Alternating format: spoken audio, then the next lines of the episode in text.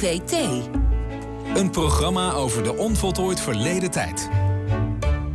De eendebek kent een merkwaardige geschiedenis. Zo weet medisch historicus Rina Knoef. We hebben het dan natuurlijk niet over de bek van de eend, maar over het medische instrument, ook wel het speculum genoemd, wat wordt gebruikt bij vaginaal onderzoek. Echt nuttig is het pas sinds enkele decennia, maar het wordt al eeuwenlang heel veel gebruikt.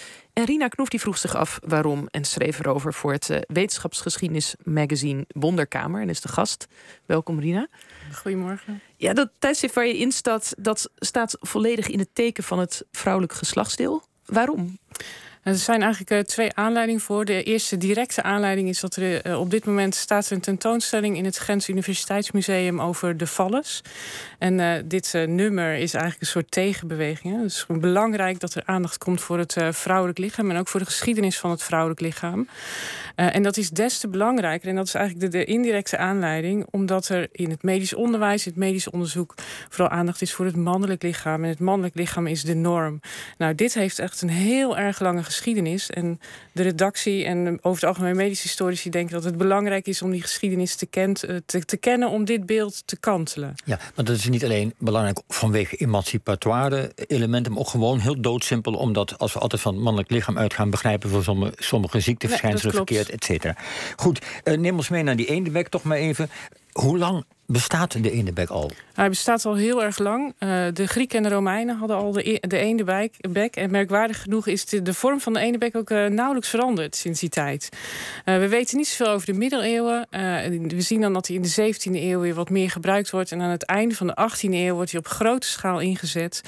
Um, en dat komt ook doordat in, de, in die tijd, in de tijd van de Franse Revolutie, het moderne ziekenhuis is geboren.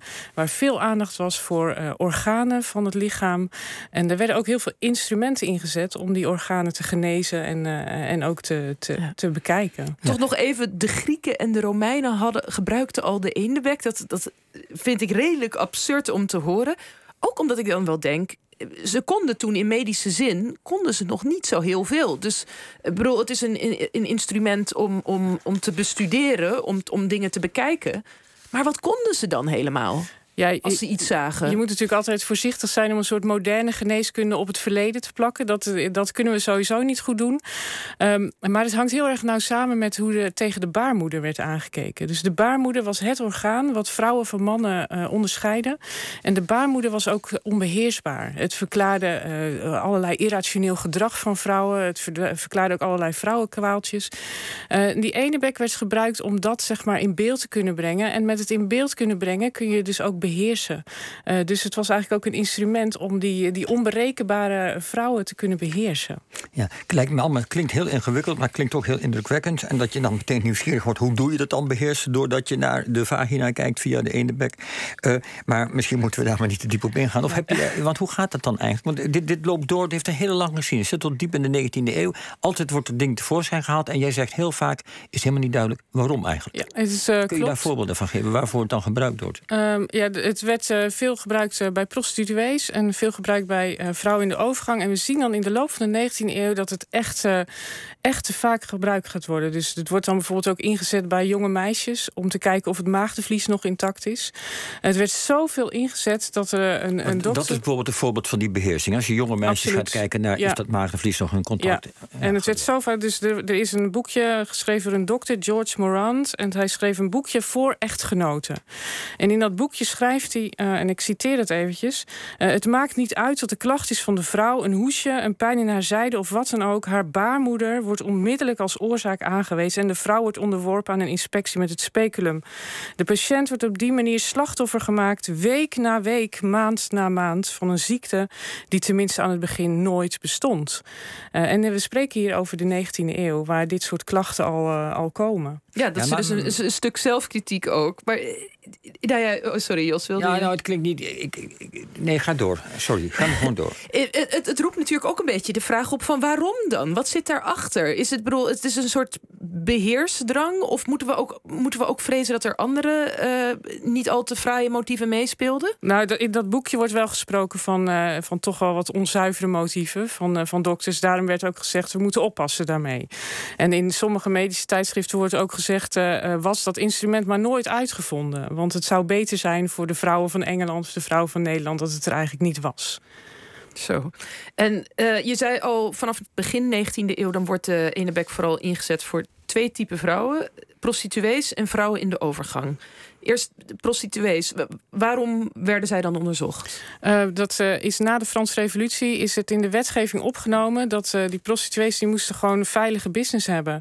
en om het zo veilig mogelijk te maken, moesten ze twee keer in de week onderzocht worden op geslachtsziekten. Um, en dat waren openbare gelegenheden. Dus iedereen kon daar naartoe komen om te kijken hoe die prostituees dus onderzocht werden met dat speculum. nou, dat, dat deden mensen dus ook. In no time was het ook in Nederland gebruikelijk. het was openbaar. Er stond iedereen te kijken? Ja, dus de vrouwen die stonden te kijken. En dat was eigenlijk ook wel, zie je ook wel in de 17e en 18e eeuw. De ziekenhuizen waren toen ook openbaar. Hè? Dus er kon iedereen komen kijken naar hoe patiënten behandeld werden. Dat is totaal anders dan wat we nu. Ja, nou, dat doen we al via een film. Hè? Dan heb je van, die, van die series op televisie. Maar dit, dit klinkt inderdaad naar mensen eronder houden, hè? eigenlijk vrouwen in dit geval. Deze, die prostituees zeker. En uh, ze, moesten, ze moesten dus echt verplicht. En in Amsterdam weten we dat ze bij goedkeuring kregen ze een rode kaart. En uh, die konden ze dus vervolgens aan hun klanten laten zien. Die wisten dan dat het veilig was om daar uh, naartoe te gaan. Ja. En dan, hoe zat het dan met die andere patiëntengroep van vrouwen van in de 50? Waarom werd bij hen de ene bek ingezet? We zien ook uh, in het denken uh, over de overgang een soort omslag in de 18e eeuw. Dus de overgang werd steeds meer als een soort natuurlijk proces gezien, niet meer als een ziekte.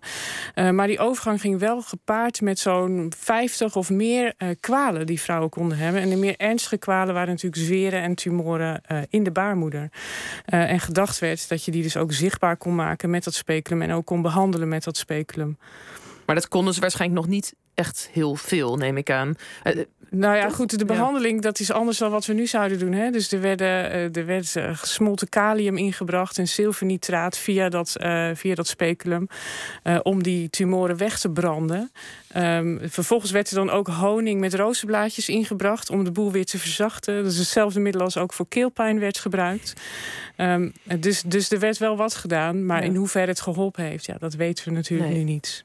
Inmiddels um, hebben, hebben vrouwen er natuurlijk wel wat aan. Denk alleen al aan behandelingen voor baarmoederhalskanker. Dat, dat, dat, er, opge, uh, dat er preventief kan worden gekeken van... goh, uh, uh, krijgen vrouwen kanker of niet? En dan op tijd kunnen ingrijpen.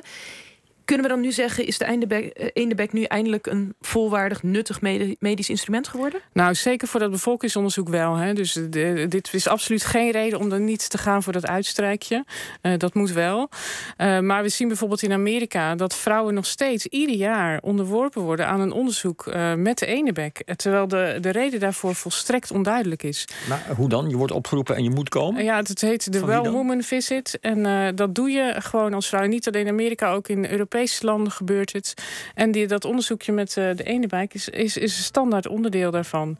En we weten dus inmiddels ook wel uit, uh, uit onderzoek dat het ook wel leidt tot onnodig medisch ingrijpen en tot heel veel stress bij vrouwen. Want het is niet een fijn uh, onderzoek om te ondergaan. Ja, goed. Uh, dankjewel, Rina Knoef, voor dit verhaal. En je stuk uh, De Eendebek-paradox is te vinden in wetenschapsgeschiedenismagazine Wonderkamer. Dat is online te bestellen via www.gwina.nl. En dit was het eerste uur van